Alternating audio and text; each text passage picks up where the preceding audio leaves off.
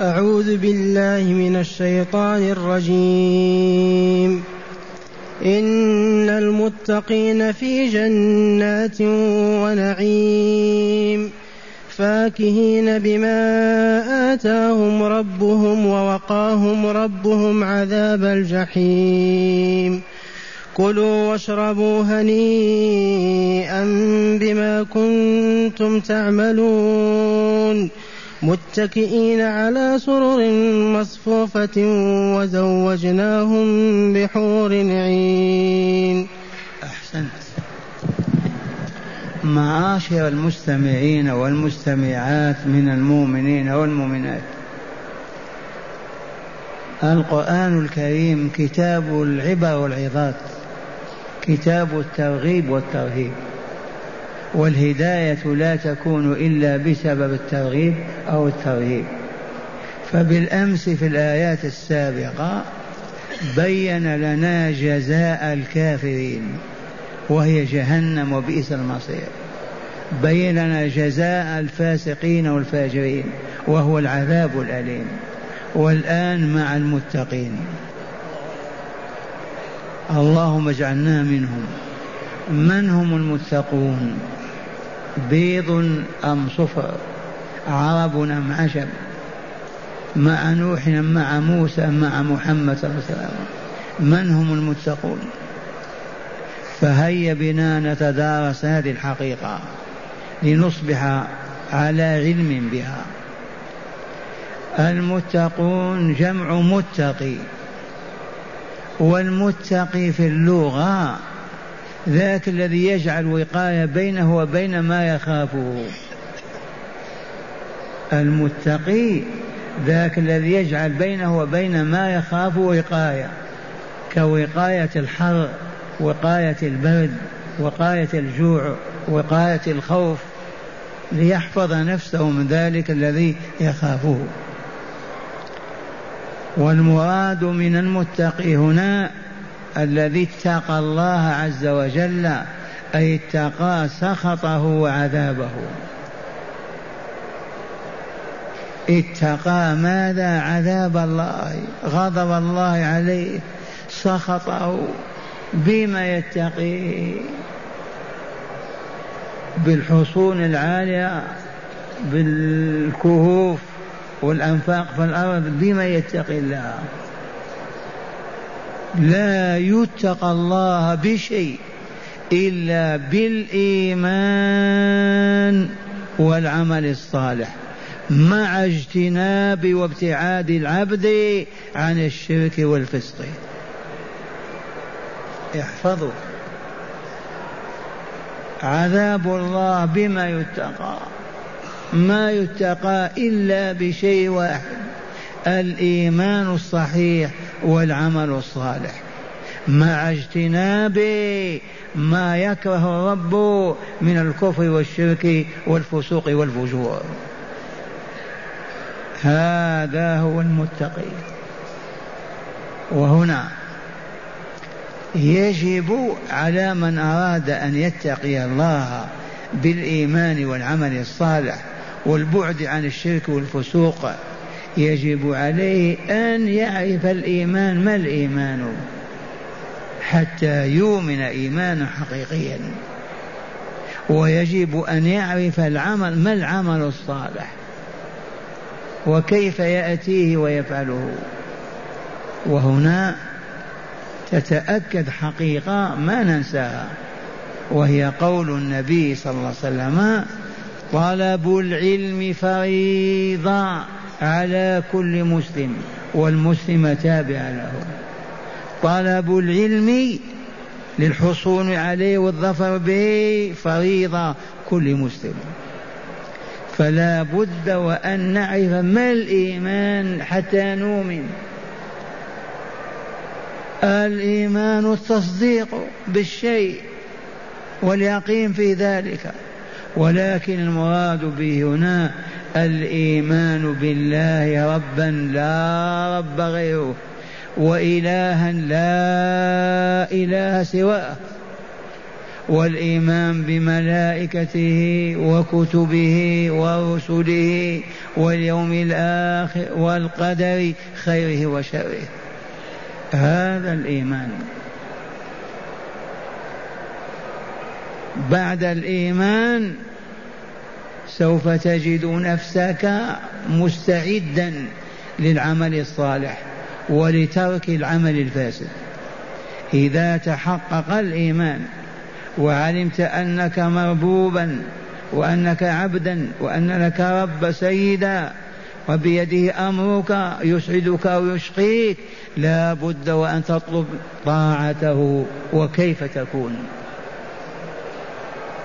اذا فلا بد بعد الإيمان من طاعة الله فيما أمر به وفيما نهى عنه وقد أمر بالصالحات كلها وهي في كتابه القرآن العظيم وفي بيان رسوله الكريم صلى الله عليه وسلم من الوضوء والغسل إلى الحج والاعتمار إلى الرباط والجهاد كل الصالحات موجودة في كتاب الله مبينة في سنة رسول الله صلى الله عليه وسلم.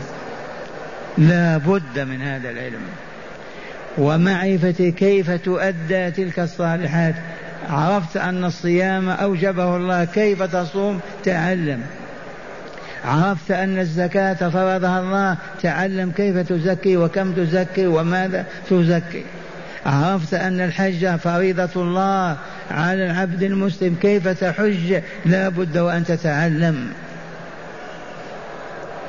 والذي لا يتعلم كيف يطيع الله وهو ما يعرف كيف يطيعه؟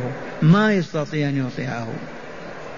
ومن هنا أعيد القول وهو أن ما أصاب أمة الإسلام بعدما كانت في علياء السماء هبطت إلى الحضيض من الأرض. سبب ذلك والله الجهل. الجهل. جهلوا ربهم ما عرفوا جهلوا عباداته وطاعته ما عرفوها جهلوا وعد الله ووعيده. ومن ثم تركت الصلاة. ومنعت الزكاة وعصي الله ورسوله في كل ما أمر به عنه إلا من شاء الله. الجهل وإلى الآن من هو الفاسق الفاجر؟ قول العالم لا والله الجاهل. من هو الذي يعبد القبور؟ ويدعو أصحابها ويستغيث بهم ويستعيذ ويحلف بهم. العالم لا والله إنه الجاهل. من الذي يسرق أموال الناس ويغتصبها ويتتبع عوراتهم ويأخذها؟ هل يكون عالما؟ والله ما هو إلا جاهل. أروني ذاك الذي عق والديه ويسبهما وأحيانا يضرب أمه. هل هذا عالم؟ والله ما هو بعالم. إذا والله لجاهل. فالعلة هي الجهل. إما علم وإما جهل. العلم نور والجهل ظلام. فالماشي في النور مستقيم والماشي في الظلام يتخبط. ويهلك. فما هو الطريق إلى العلم؟ كررنا هذه الحادثة آلاف المرات. وقلت هيا نبدأ. أهل القرية من قرى المسلمين يتعاهدون يتواعدون في صدق على أنه إذا مالت الشمس إلى الغروب ودقت الساعة السادسة. يتوضؤون ويحملون أطفالهم معهم ونساهم إلى بيت الله إلى المسجد الجامع في تلك القرية. ما إن يصلوا المغرب نساء ورجالا وأطفالا حتى يجلس العالم بالكتاب والسنة على منصة أو على كرسي ويجلس الرجال أمامه والأطفال دونهم والنساء وراء الستار دونهم. وليل آية من كتاب الله كقوله إن للمتقين يحفظونها ويعرفون معناها. ويتهيأون لتطبيقها والعمل بها وكلهم صدق في ذلك. الليلة الآتية صلوا المغرب نساء ورجالا وأطفالا ما بقي في القرية والله أحد إلا مريض أو ممرض فقط. يجلس لهم بعد الصلاة حديث من أحاديث الرسول صلى الله عليه وسلم. مثل طلب العلم فريضة على كل مسلم. طلب العلم فريضة على كل مسلم. لا يزال يكرره حتى يحفظه الرجال والأطفال والنساء. ثم يشرحه ويبين ما فيه. أهل الحي في المدينة. المدينة ذات أحياء. أهل الحي يتعاهدون يتواعدون يستلزمون بأن لا يتخلف أحدهم أبدا عن صلاة المغرب. دقت الساعة السادسة مساء وقف العمل. يا صاحب الدكان أغلق الباب. يا صاحب المقهى أوقف عملك. يا كاتب أرمي القلم. ما بقي إلا أن نأتي إلى بيت الله إلى المسجد فقط. إلى بيت الرب. نصلي المغرب ونجمع ونجتمع على آية نحفظها نفهم معناها نعمل على تطبيقها وإنجازها. والليلة الآتي حديثة وهكذا. أسألكم بالله لو يستمر الوضع هكذا أربعين يوما يبقى جاهلا؟ فكيف لو استمر سنة كاملة يبقى جاهلا ما يبقى. وإذا انتفى الجهل ما انتفى مع ما الذي ينتفي معه؟ والله لا غش ولا خداع ولا كذب ولا زينة ولا ربا ولا باطل ولا ولا أبدا. إذ العلم نور والماشي في النور ما يقع في الخطأ. هذه الحقيقة. إن إن المتقين في جنات ونعيم. إن المتقين يوم القيامة فين؟ في جنات في بساتين وفي نعيم. لا حد له ولا حصر نعيم الأكل والشرب واللباس والجماع و من هم المتقون؟ عرفتموهم. كيف نحصل على التقوى؟ ما الطريق إلى ذلك؟ طريق العلم. نعرف الله فلا نعصيه نعرف الرسول فنمشي وراءه ونتبعه. نطيع الله ورسوله في أمرهما ونهيهما وبذلك نكون من المتقين. الذين اتقوا عذاب الله وسخطه عليهم فهم في جنات النعيم. هذا الخبر الإلهي وإلا لا؟ إن المتقين في جنات ونعيم. ماذا نقول في النعيم قل ما شئت. ثم قال تعالى فاكهين بما آتاهم ربهم. فاكهين متفكهين متلذذين آكلين شاربين لابسين كل ما آتاهم ربهم هو في نعيمهم. فاكهين بما آتاهم ربهم. وما أعطاهم في جنة النعيم من أنواع الطعام والشراب واللباس وقل ما شئت. ثالثا ووقاهم عذاب الجحيم. وقاهم حفظهم منعهم من عذاب النار. لن يدخلوها وما دخلوها من عرصات القيامة من ساحة فصل القضاء رأسا إلى الجنة دار السلام. ومن كان من المتقين وفجر ومات على فجرته فسق مات على فسقه وما تاب وأدخله النار فسوف يخرجه ويدخله الجنة دار النعيم. بهذا أخبر سيد المرسلين صلى الله عليه وسلم. ولكن التوبة التوبة من تاب تاب الله عليه والتوبة معناها الرجوع إلى طاعة الله ورسوله بفعل الأوامر وترك النواهي.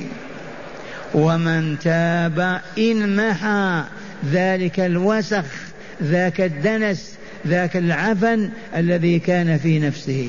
يمحي كما يمحي الوسخ من الثوب والبدن. إن كانت التوبة صدوق نصوحا. تاب على علم ومعرفة والله يقول إلا من تاب وآمن وعمل عملا صالحا فأولئك يدخلون الجنة. ووقاهم عذاب الجحيم. الجحيم طبقة درك من دركات النار السبعة من شرها وأشدها عذابا والعياذ بالله. ثم قال تعالى كلوا واشربوا. أي تقول لهم الملائكة بل يقول لهم الرب تبارك وتعالى وهم في الجنة دار النعيم كلوا واشربوا. كلوا أنواع الأطعمة واللحوم واشربوا أنواع الشراب على اختلافه وتنوعه. كلوا واشربوا. هنيئا بما كنتم تعملون. سامع يا عبد الله بما كنتم تعملون من الصالحات لا من السيئات. كلوا واشربوا هنيئا لكم أكل شراب لا تمرضون بعده ولا تتأذون به أبدا. هنيئا طيبا لذيذا بسبب ما كنتم تعملون.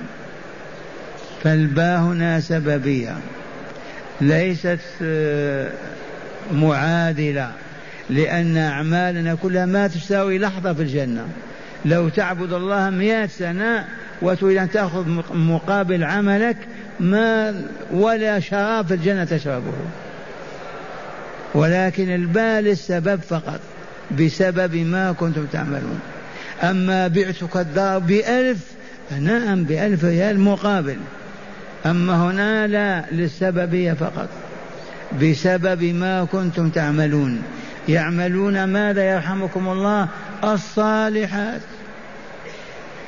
وكيف كان الجزاء هكذا؟ لأن الصالحات زكت نفوسهم. طيبت أرواحهم طهرتها فأصبحت أهلا لرضا الله ولجواره في دار النعيم المقيم. العمل سبب وإلا لا لأنه يزكي النفس ويطهرها. فإذا زكت نفس العبد أو الأمة قبله الله في جواره وأسكنه الجنة دار النعيم. خبثت النفس تعفنت نتنت العياذ بالله بالشرك والذنوب والآثام رفضها الله وسخط عليها ولم يقبلها أبدا. هل تذكرون حكم الله في هذه القضية؟ وكم وكم تكرر؟ ذاكم الحكم الإلهي الذي حلف عليه سبعة أيمان حتى ما يبقى في نفسك شك ولا ارتياب أبدا. قد أفلح من زكاها وقد خاب من دساها. سبحان الله. أليس هذا حكم الله؟ قد أفلح فاز بالنجاة من النار ودخول الجنة. من هو هذا؟ من زكى نفسه أي طيبها وطهرها فأصبحت كأرواح الملائكة في السماء لطهرها وصفائها. وبذلك رضي الله عنها وأسكنها في جواره في دار النعيم. وقد خاب خاسرا خسران أبديا ألقي في أتون جهنم أو جحيمها وحرم الجنة ونعيما. خاب وإلا لا خاب وخسر. والله يقول ألا إن الخسر قل إن الخاسرين الذين الذين خسروا أنفسهم وأهليهم يوم القيامة. ألا ذلك هو الخسران المبين. فليس الخسران فقدك شاة وبعير كما يقولون وليس فقدك زوجة ولا ولد ولا وظيفة ولا مال ولا ولا. الخسران الحق أن تجد نفسك في عالم الشقاء لا تجد أما ولا أبا ولا أخا ولا أختا ولا صديقا ولا قريبا مليارات السنين وأنت وحدك في العذاب أي خسران هذا؟ هذا هو الخسران ألا ذلك هو الخسران المبين. من هو الخاسر يرحمكم الله؟ قولوا أبو جهل. ومن معه كل من أشرك بالله وفسق وفجر ولم يزكي نفسه فمات وهي خبيثة عفنة منتنة والله له الخاسر. أبيض كان أو أصفر. واسمعوا قسم الله حتى ما تنسوا. والشمس وضحاها والقمر إذا تلاها والنهار إذا جلاها والليل إذا يغشاها. لم تحلف يا ربنا؟ من أجلكم حتى تطمئن نفوسكم ويستقر هذا المعنى في قلوبكم. فتخافوا الله وتعبدوه. والشمس وضحاها والقمر إذا تلاها والنهار إذا جلاها والليل إذا يغشاها والسماء وما بناها والأرض وما طحاها ونفس وما سواها فألهمها فجورها وتقواها سبع إيمان أو ثمانية. حلف على ماذا؟ قد أفلح. من زكاها عربيا كان أو عجميا مع آدم ومع نوح أو مع موسى أو إبراهيم أو مع عيسى محمد. من أبيض أو أسود رجل أو مرأة قد أفلح من زكاها وقد خاب خاسر من دساها هذه الآية بعض آية لو وعيها عبد عربي وعجمي لما عصى الله أبدا. ما قدر على معصية الله. قد أفلح من زكى نفسه بما تزكي نفسك بالماء والصابون بالعطورات والطيب. تزكى بالإيمان وصالح الأعمال وتبعدها عما يدسيها ويخبثها من أنواع الشرك والكفر والفسق والفجور. كلوا واشربوا هنيئا بما كنتم تعملون. بقلوبكم عقائد بألسنتكم أقوال بجوارحكم أعمال إذ كله أعمال عملوها. بسببها كلوا واشربوا في الجنة عباد الله هنيئا لكم. ثم قال تعالى متكئين على سور مصفوفة. متكئين على سور مصفوفة السرور جمع سرير والسرير كما بين مكة وأيلة فلا أدري أيلة في الشام هذه ما بين مكة الحديث وأيلة وهذه السرور عليها النمارق هم متكئون على النمارق والنمارق على السرور. والسرور كلهم متواجهون متقابلون. ما في من يعطيك ظهره أبدا. كل قلوب وجوه متقابلة. ما في من ترى ظهره كلهم بوجوههم على سور متقابلين. الآن لما نكون في مجلس كبير هذا بظهر وهذا كذا ما نتلذذ. كما إذا كان الوجوه كلها مع بعضها بعض. على سور متقابلين. وهنا قال متكئين على سور أي على نمارق من السرور والسرور هذه مصنوعة والله من الذهب والله من الزبردج والله من الفضة فوق ما تتصور. والسرير كما قلنا كما بين مكة وإيلة على سرور مصفوفة مصفوفة صفوفا. ثم قال تعالى وزوجناهم بماذا؟ بحور عين. زوجناهم جعلناهم أزواجا. كانوا فرادى هذا فرد وهذا فرد. هذه فرد وهذه فرد. لكن زوجهم جعلهم أزواجا بحور عين. الحور جمع حوراء امرأة حوراء والجمع حور والحوراء هي واسعة العينين والعين وهو سواد عينها أقل من بياض العين. العين تعرفونها فيها سواد وإلا؟ عين الحور سوادها أقل من البياض البياض أكثر. حور عين جمع عيناء وأجمل ما يكون في المرأة عينها عيناها. حور عين. من خلق هذه الحور؟ الله. كما خلق الملائكة كما خلق الجن كما خلق الآدميين كما خلق الحيوانات. هو خالق الحور العين.